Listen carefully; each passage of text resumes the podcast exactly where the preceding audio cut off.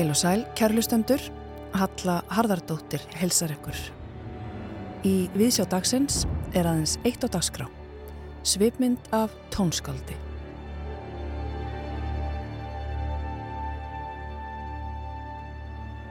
Anna Þorvaldsdóttir er einn af okkar fremstu listamönnum. Hún er meðal kunnustu tónskálda Íslands og ekkert minna en superstjarnar í heimi klassískrar tónlistar. Tónverkum hennar hefur verið líst sem einstökum innan samtíma tónlistar. Þau eru gjarnan innblásin af kröftum móðurjarðar, jafnvægi, óreiðu, fegurð, ásamt framvindu og hlutföllum, náttúru og landslags. Oftar en ekki er verkum hennar líst sem sjálfstæðum náttúrukrafti og sköpunarkrafti hennar mættu auðveldlega líka við einhvers konar náttúruafl. Verkanar eru flutti í bestu tónleikahúsum heims og margar af helstu ljómsveitum heims hafa panta hjá henni verk. Tónsmíðar hennar hafa fengið fjölda alþjóðleira viðurkenninga og veluna og má þar helst nefna tónlistaverlun Norðurlandaráðs árið 2012 fyrir verkið Dreymi og Kravis Emerging Composer velunin frá New York Philharmonic 2015. Verkanar hafa komið út af hljómdiskum hjá Deutsche Grammophon og Sono Luminous og nú síðast kom út hljómdiskurinn Arkora Ion þar sem að Sinfoníljómsveit Íslands flytur þessi tvö verk önnu undir stjórn Efu Ollikainen.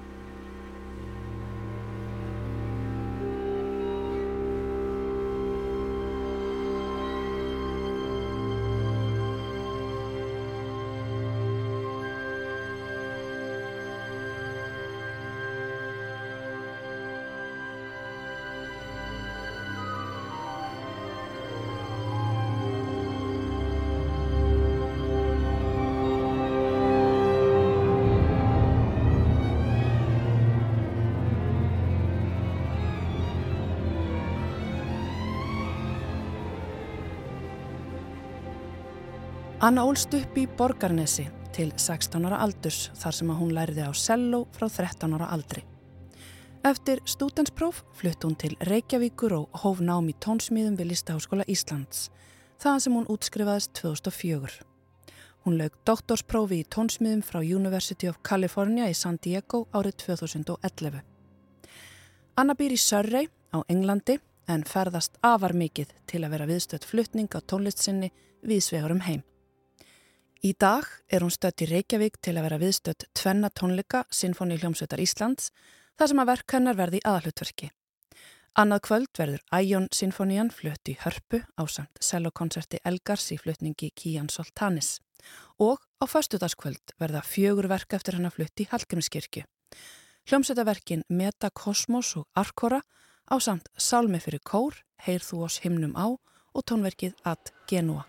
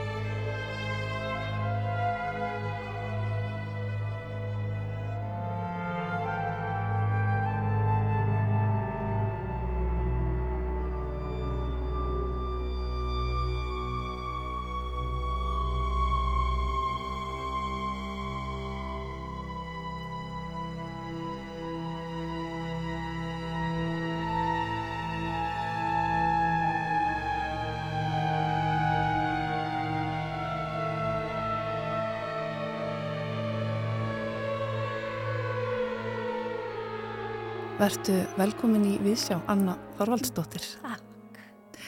Við vorum hér, fórum hér inn í verkið Metakosmos. Uh, þetta er verk sem var frumflutt 2018 af New York Philharmoníunni. Fekk auðvitað rífandi og framúrskarandi dóma og hefur síðan verið flutt bæði í Berlín og San Francisco.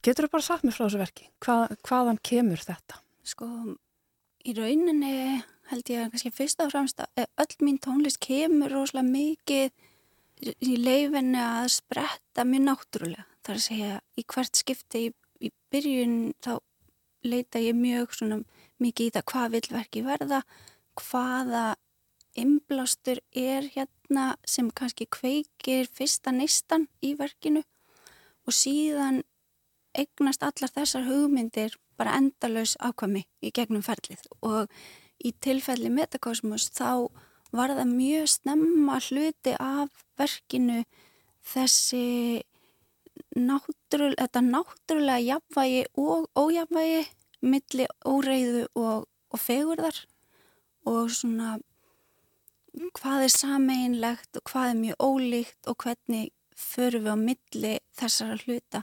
Þannig að þetta er svona í grunninn er þetta þessi neisti sem að kemur út frá að sjálfsögðu út frá því hvað mér finnst vera tónlistarlega áhugavert. Þannig að og, og svo heldur þetta áfram að vinda upp á sig alltaf í gegnum ferlið. Um, að sjálfsögðu er síðan tónlistin tónlist fyrst og fremst og þannig verður hún til og þetta er mjög svona innrænt ferli í mínu tilfelli allavega þannig að ég veri rosalega miklum tíma í að hlusta bara innra með mér á verki aftur og aftur í rauntíma í hugunum og, og finn þannig hérna, hvernig hlutinir flæða og já, og, og það má svona í stuttumáli segja að að þetta sé eh, grunninnblásturinn í metakosmos.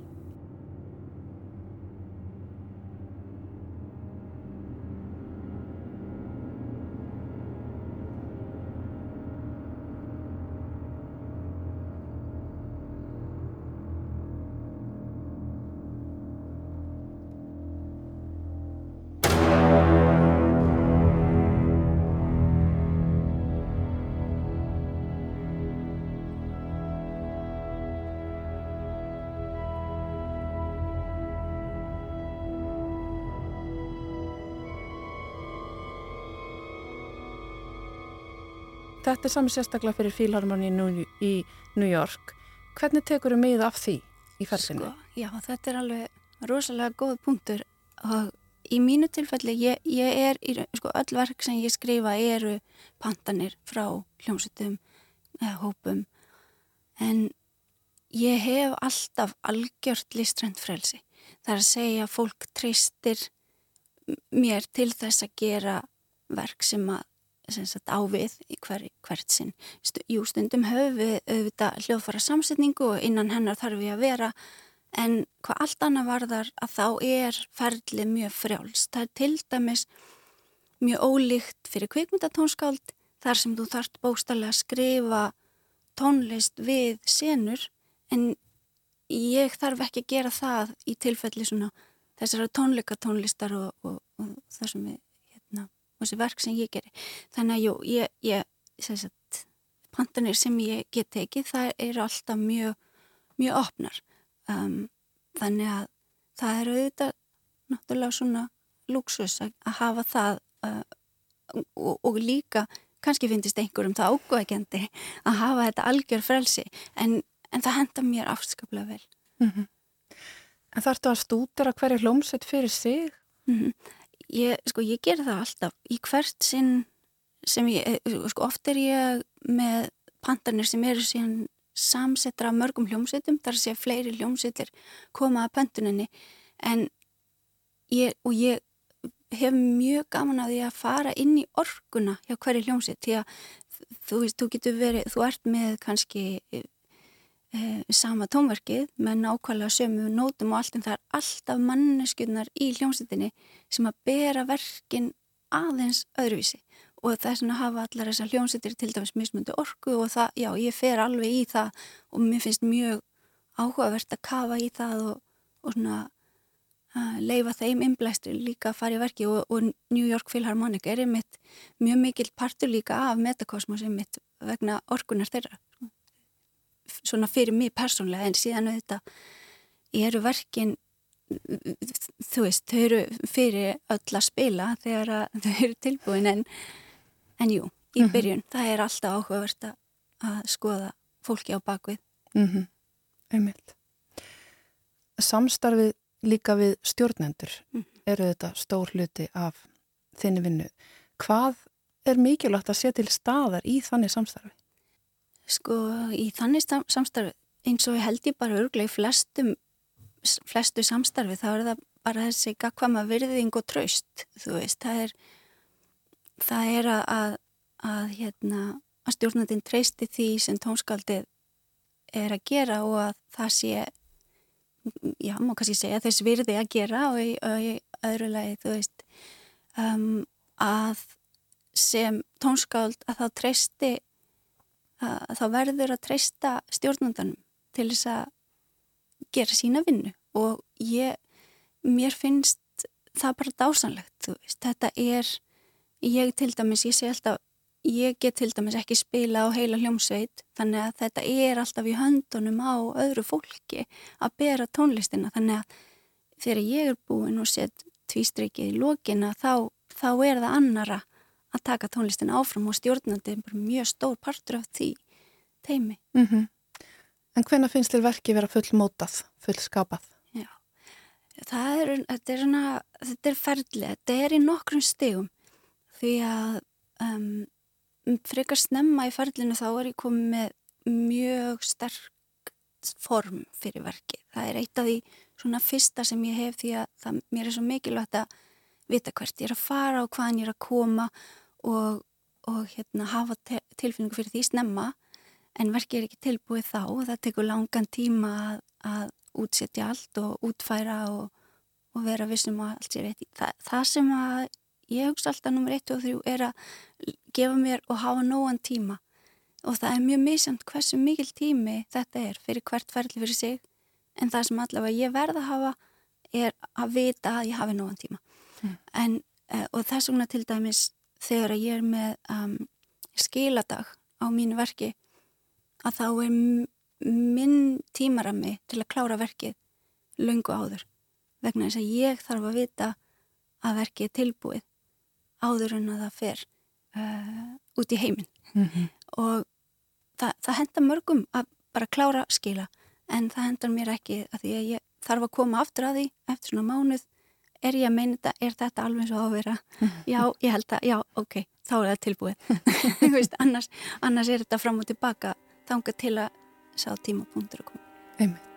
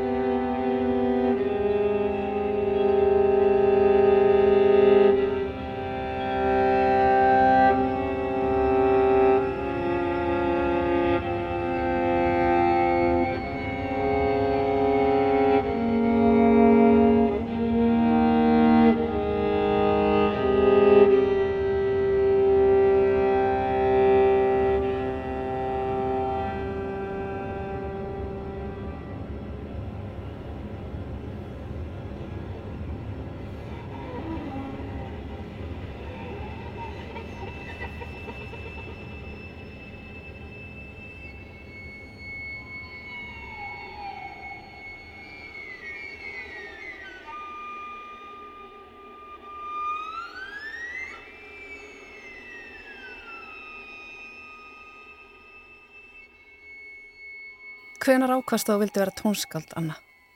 Sko, ég, mér finnst það eins og ég hafa aldrei ákveðið það. Ég, ég, ég held auðvitað ákveðið það á einhvern nátt, það er ekki alveg sangjant að segja það, en, en það meira eitthvað svona, svona náttúrulegt ferli sem varð. Um, ég held lengi vel ég erði myndi verða seljuleikar og tók það mjög alvarlega að vara að spilaði mjög mikið en, um, en um leiði fór að skrifa tónlist að, að ég hafði alltaf verið að búa til tónlist en ekki skrifa hana niður. En um leiði fór að skrifa tónlist þá bara gerðist eitthvað og ég bara get ekki verið án þess sko. Og, og þar með svona varð mjög náttúrulegt ferli þar sem að það tók bara yfir. Og ja. ég fór og þú veist, lærði meira, læra meira læra meira, fara út í heim, læra meira uh, hérna, svona fór í gegnum öll þessi ferli og og alltaf einhvern veginn með bara sköpunina að leiðaljósi mm -hmm. þú mhm. veist, vera í tónlist á þeim forsendum sem ég byrjaði í rauninni í tónlist svo þróast uh, svo þróast hérna tónskáldið í gegnum það ferli og ég vona að ég verði að þróast í gegnum allt lífið en um, já, þetta er kannski langt svar við einfaldri spurningu en Hún er kannski ekkit svo einföld þessi spurning. Nei, held ekki en, en ég var allavega þrekar ung. Mannst eftir að hafa sest niður ákveð ég ætla að búa eitthvað til? Já, já, sko, já, þá erum við náttúrulega komið. Já. Nei, sko, já, ég meina, ég var alltaf, alltaf sem barn, þá var ég alltaf svona, lifði mjög mikið í tónlist, inn, innra með mér, þú veist, bara í heiminum og ég var alltaf að búa til eitthvað svona lög og ég var alltaf að syngja og, og búa til alls konar, en en, en ég, það, það var bara meira lífið mm. svona er maður, þú veit, þannig leið mér en svona eftir því sem ég var búin að vera að læra meira og meira og selja og náttúrulega spila meira af skrifaðri tónlist og ég tala nú um þegar ég fór að læra meira nútíma tónlist og svona nýri tónlist þá gerðist eitthvað þar sem að bara hugurinn opnaðist upp og gátt og ég hugsaði já, vá, það bara má allt mm -hmm. og það er svo margt sem er hægt að gera og þá byrjaði ég sjálf að skrifa og þá, uh, þetta, þarna var ég samt kannski alveg orðin 18-19 ára þegar ég byrjaði að skrifa. Þannig að það hefur breytt öllu fyrir það að kynast nútíma tónskaldum? Já, öllu sko, alveg. Ég minna, ég, hérna, mér þykir mjög vænt um eldri tónlist og ég minna sem, sem selóleikari þá lærir mjög mikið af eldri tónlist auðvitað í gegnum námið en að fá þessa breyðari veröld af hljóðum og, og tækni og hérna og formum, formgerðum því að í eldri tónlist þá erum við með mjög, oft mjög sterk og ákveðin form sem allt er mm -hmm. í niðunjörfað í en en fyrir mig var það mjög svona áhugavert að, að fá að sjá bara já það má grunlega allt, það má brjóta þetta form og það má brjóta þetta og það má gera svona hljóð og, og þá svona bara blómstrar alls konar tré upp úr höfðinu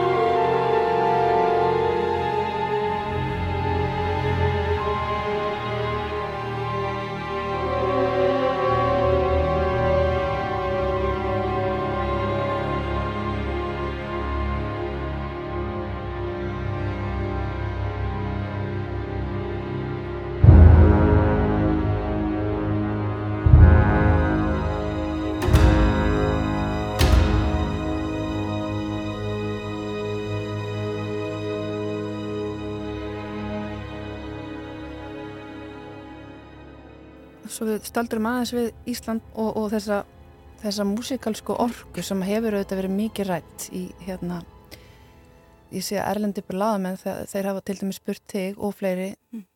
Mm. listamenn íslenska hvaðan öll þessi listræna og þessi músikalska orka hvaðan hún eiginlega komi mm.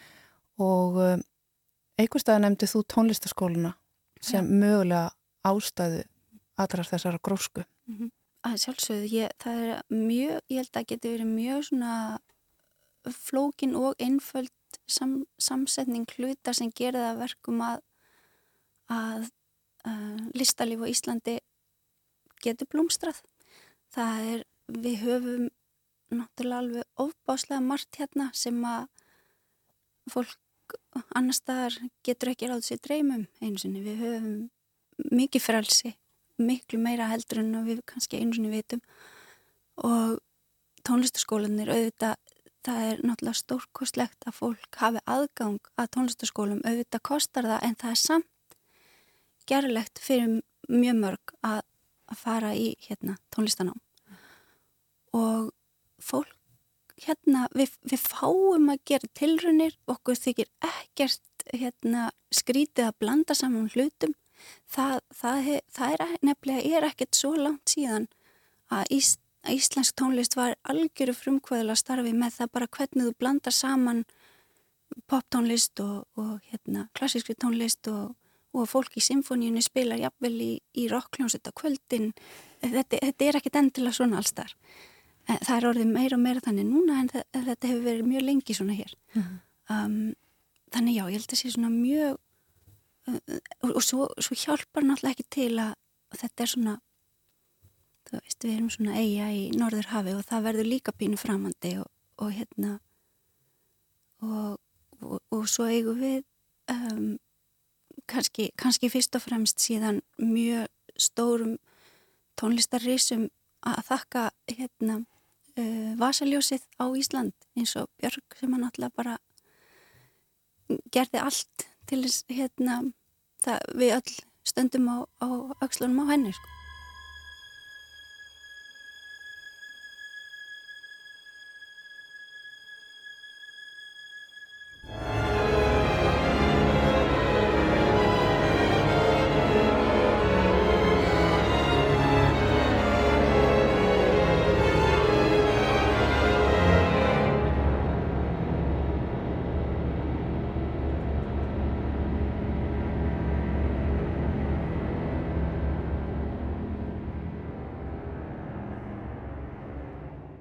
Heldur að umhverfið sem þú ólst upp í hafi haft áhrif á hvernig þú mótaðist innan tónlistarinnar? Um, alveg öruglega.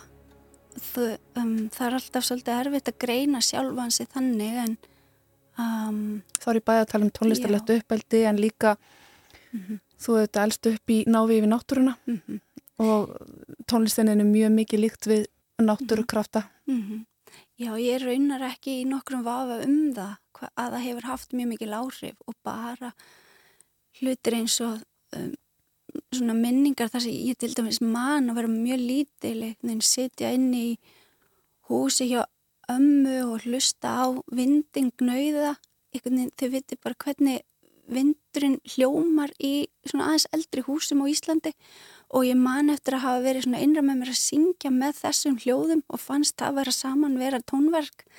Og og ég er ekki nokkrum vafum allt þetta og hafa þessa fjallasín allt í kring og hafið og auðvitað hefur þetta áhrif. En ég áttaði mig enga veginn á því samt fyrir en ég var flutt til útlanda.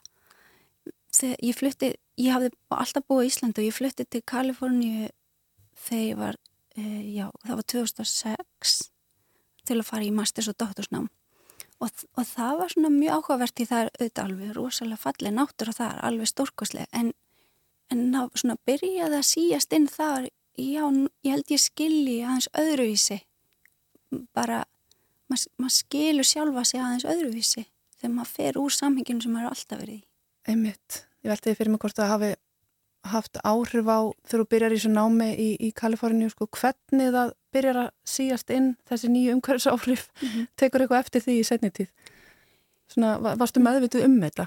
Sko þetta var nefnilega svolítið merkilegt í Kaliforníu fyrst af því að um, kannski til að svara spurningunni hvort ég er meðvitið um þetta og hvort ég taki eftir áhrifunum. Mm -hmm. ég get ekki sagt ég gerir það. Auðvitað þró, hefur tónlistin þróast uh, á ákveðin hátt og, og ég leifi mér líka að, að gera það þú veist, það er mjög uh, misjamt hvar ég er stödd hverju sinni en um, ég þannig ég get ekki sagt að ég tengi tónlistina sem ég skrifa við staðina sem ég bý á hverju sinni því nú hef ég búið á ymsunstöðum en, en ég man eftir að hafa tekið eftir því til dæmis í Kaliforni hérna fyrst að ég þetta var líka á tíma og til dæmis kringust 2008 ég mann það var mjög mikið verið að tala um náttúrum vernd á Íslandi eins og náttúrulega alltaf og ég var mjög mikið svona taka þátt í því og, og þá var ég til dæmis mjög inblásinn af náttúru Ísland þótt ég væri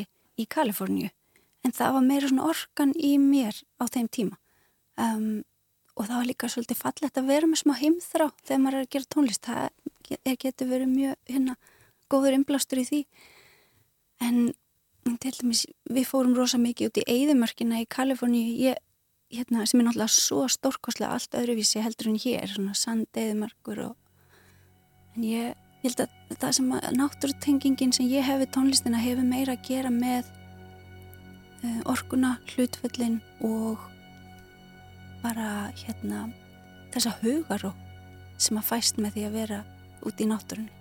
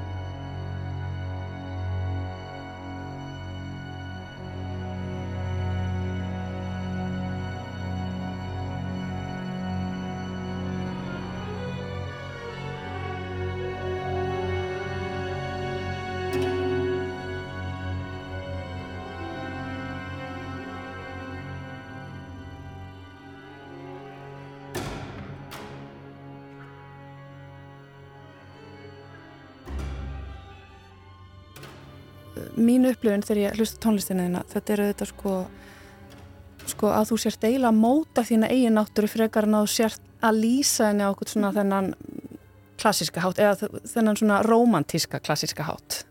Ertu að lýsa náttúrunni eða er tónlistin afleðing af áhrifum hennar?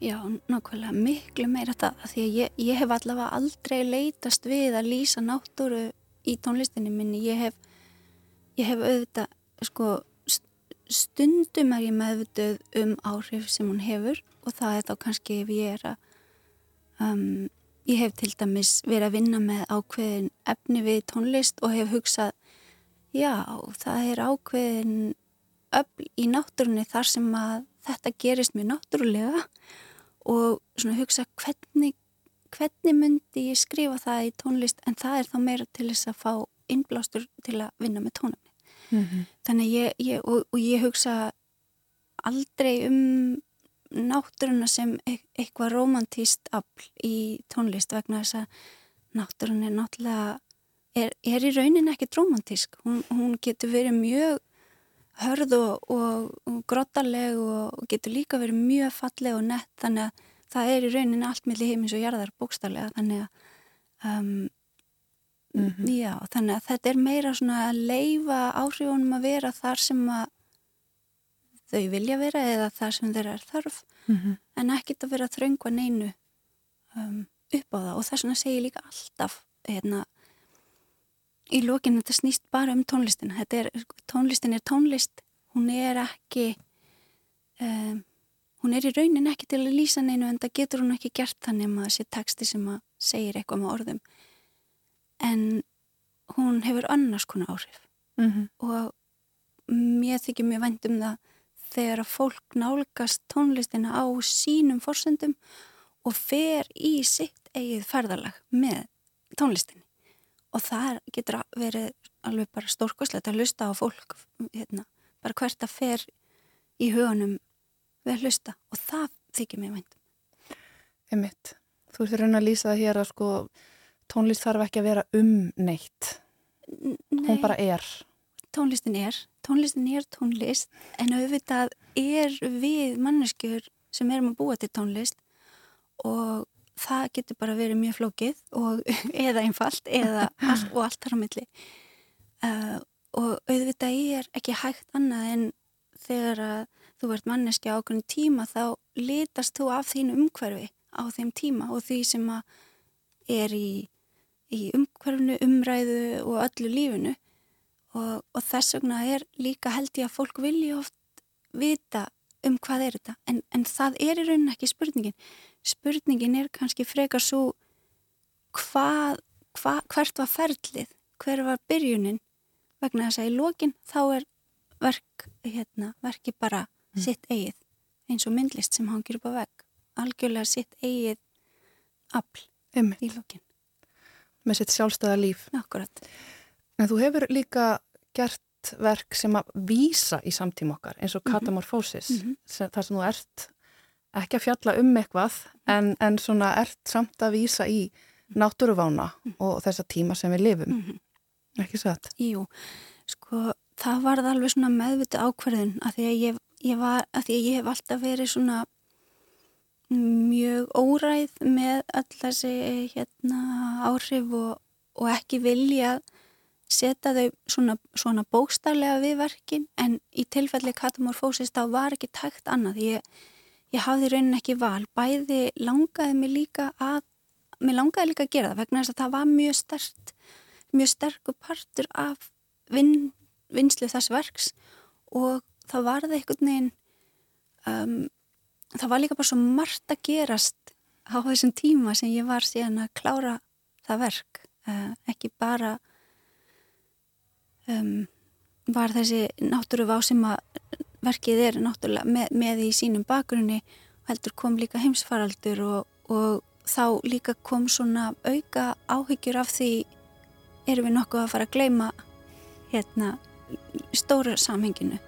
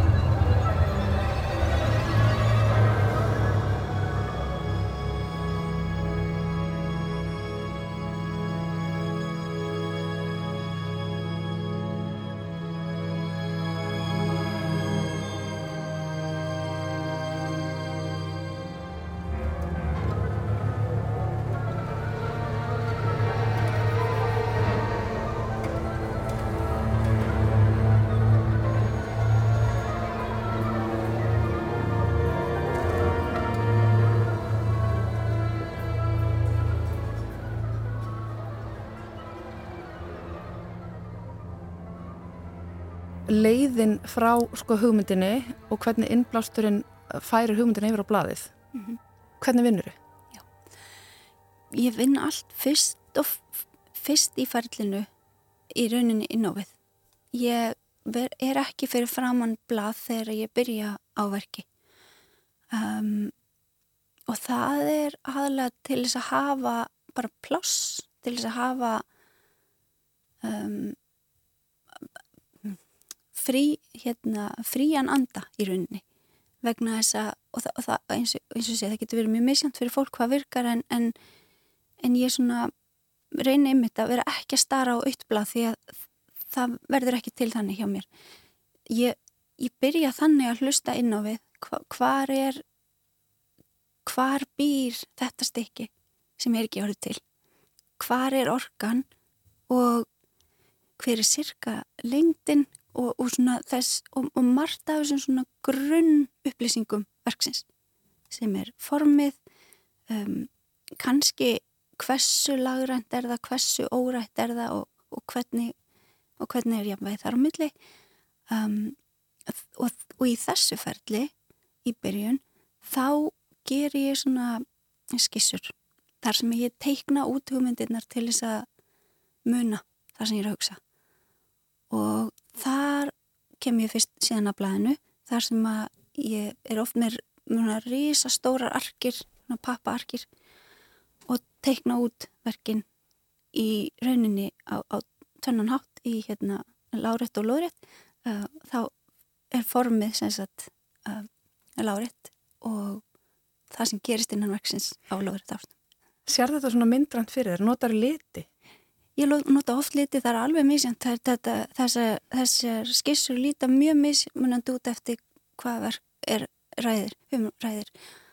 Ég nota oft líka orð svona bara allt sem hjálpa mér til þess að muna og svo, svona sum form á ég svona í, í hérna bara í hugunum sem ég tengi strax við ákveðin hluti og um, ég, ég, ég aldrei, ég hugsa þetta ekki sem eitthvað svona mynd myndneitt í, í rauninni sko, þetta er, þetta er algjörlega bara verkfæri mm. og ég sé þetta ekki fyrir mér myndrænt, heldur bara er ég að búa til það sem ég er að heyra innra með mér í svona einhvers konar fast form því að það tekur svo langan tíma að skrifa nótunar, það, það er alveg sérstaklega með, með hljómsveit sko. þannig að ég bara já mm -hmm. finn hérna, leiðir til þess að setja það niður og, og, og síðan í gegnum allt ferðlið þá bætist við og eigðist úr þessari grunn skissu og, og þegar að þegar að ég þá síðan komin með verkið í rauninni í hugunum formið og flæðið og hérna og efni við hann að mestu leiti þá skrifa ég hann hér á nótur. Hvenar í ferlinu ferð að heyra fyrir þér sko hvaða hljóðfæri eiga við á hverjum stað? Já, alveg strax bara oft. Bara oft mjög fljótt því að, því að það er svo mikill bleiðbreiða munur á, náttúrulega á hljóðfærum og hópum þannig að ég er oft alveg mjög snemma farin að heyra já, nei, já, þetta eru þetta eru bara strengir en það, en það eru smá hérna, uh, blásarar hér og mm. já, það, það kemur mjög, mjög snemma og síðan útsetja við þetta í gegnum allt ferli hérna, og fínpúsa útsetningarnar.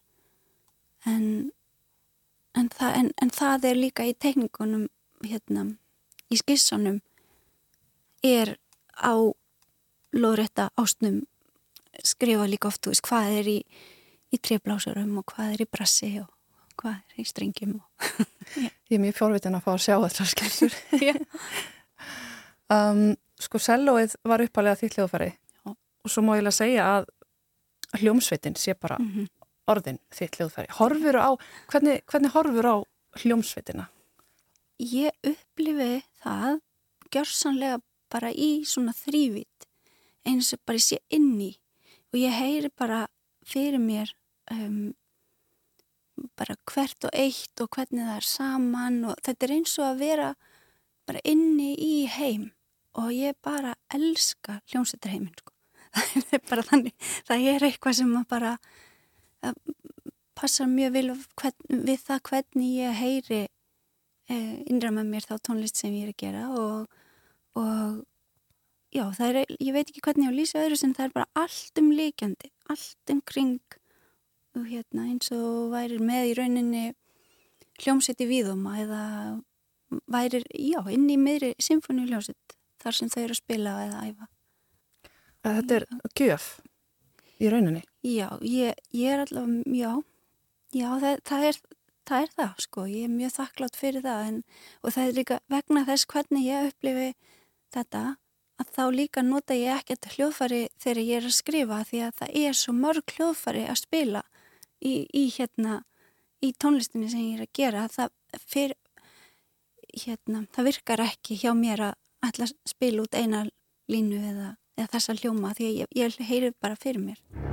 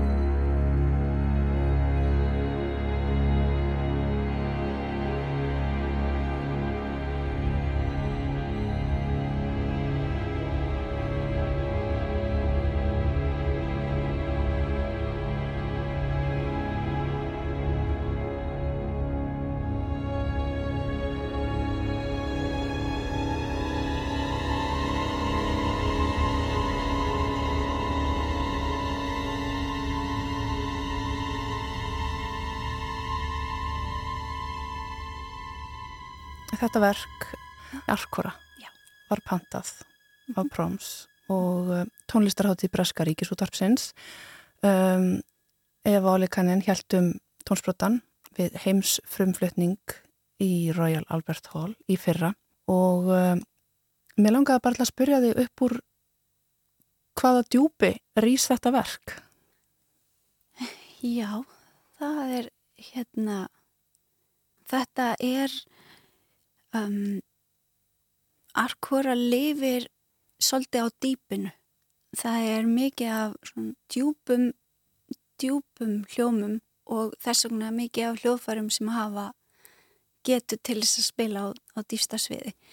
Og, og þar sem það er fyrir hendi þá er líka orgelpartur á ákveðnu stað uh, sem að ítir ennþá meira undir þetta dýpi. Um, þannig að þannig að það má segja að í grunninn að þá lifir verkið á dýpinu með svona um, og, og rétt á yfirborðinu. Það er rosa erfitt að útskýra arkóra með orðum því að, því að hérna, formið á því fer líka svona á milli orkusviða og hérna um, já Ég ætla ekki að beða um að lýsa þið með orðum. Ég, það er bara einmitt, er ekki Mhm. hægt. heldur. Nei, Þannig að en titillin?